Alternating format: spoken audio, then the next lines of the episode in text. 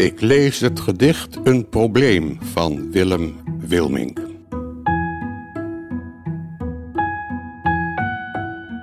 Vandaag vroeg mijn zoontje met angstige stem... als iemand dood is, wat gebeurt er dan met hem? Nu ken ik wel iemand die daarover zegt... wie dood is, die komt in de hemel terecht. Dus boven de wolken, altijd mooi weer. Met een bal in het gras en ijsjes, meneer. Maar weer iemand anders vertelde zowaar als je dood bent, dan komt er een tovenaar.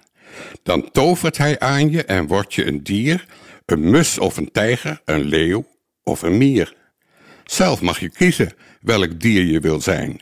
Een mug of een olifant of een konijn. Maar op een morgen ben ik gegaan naar een man die heel oud was, dus gauw dood zal gaan. Of ik een dier word, zei deze man, of in de hemel kom, ik weet er niks van. Maar als ik dood ben, is het eerste wat ik doe honderd jaar slapen, want ik ben moe.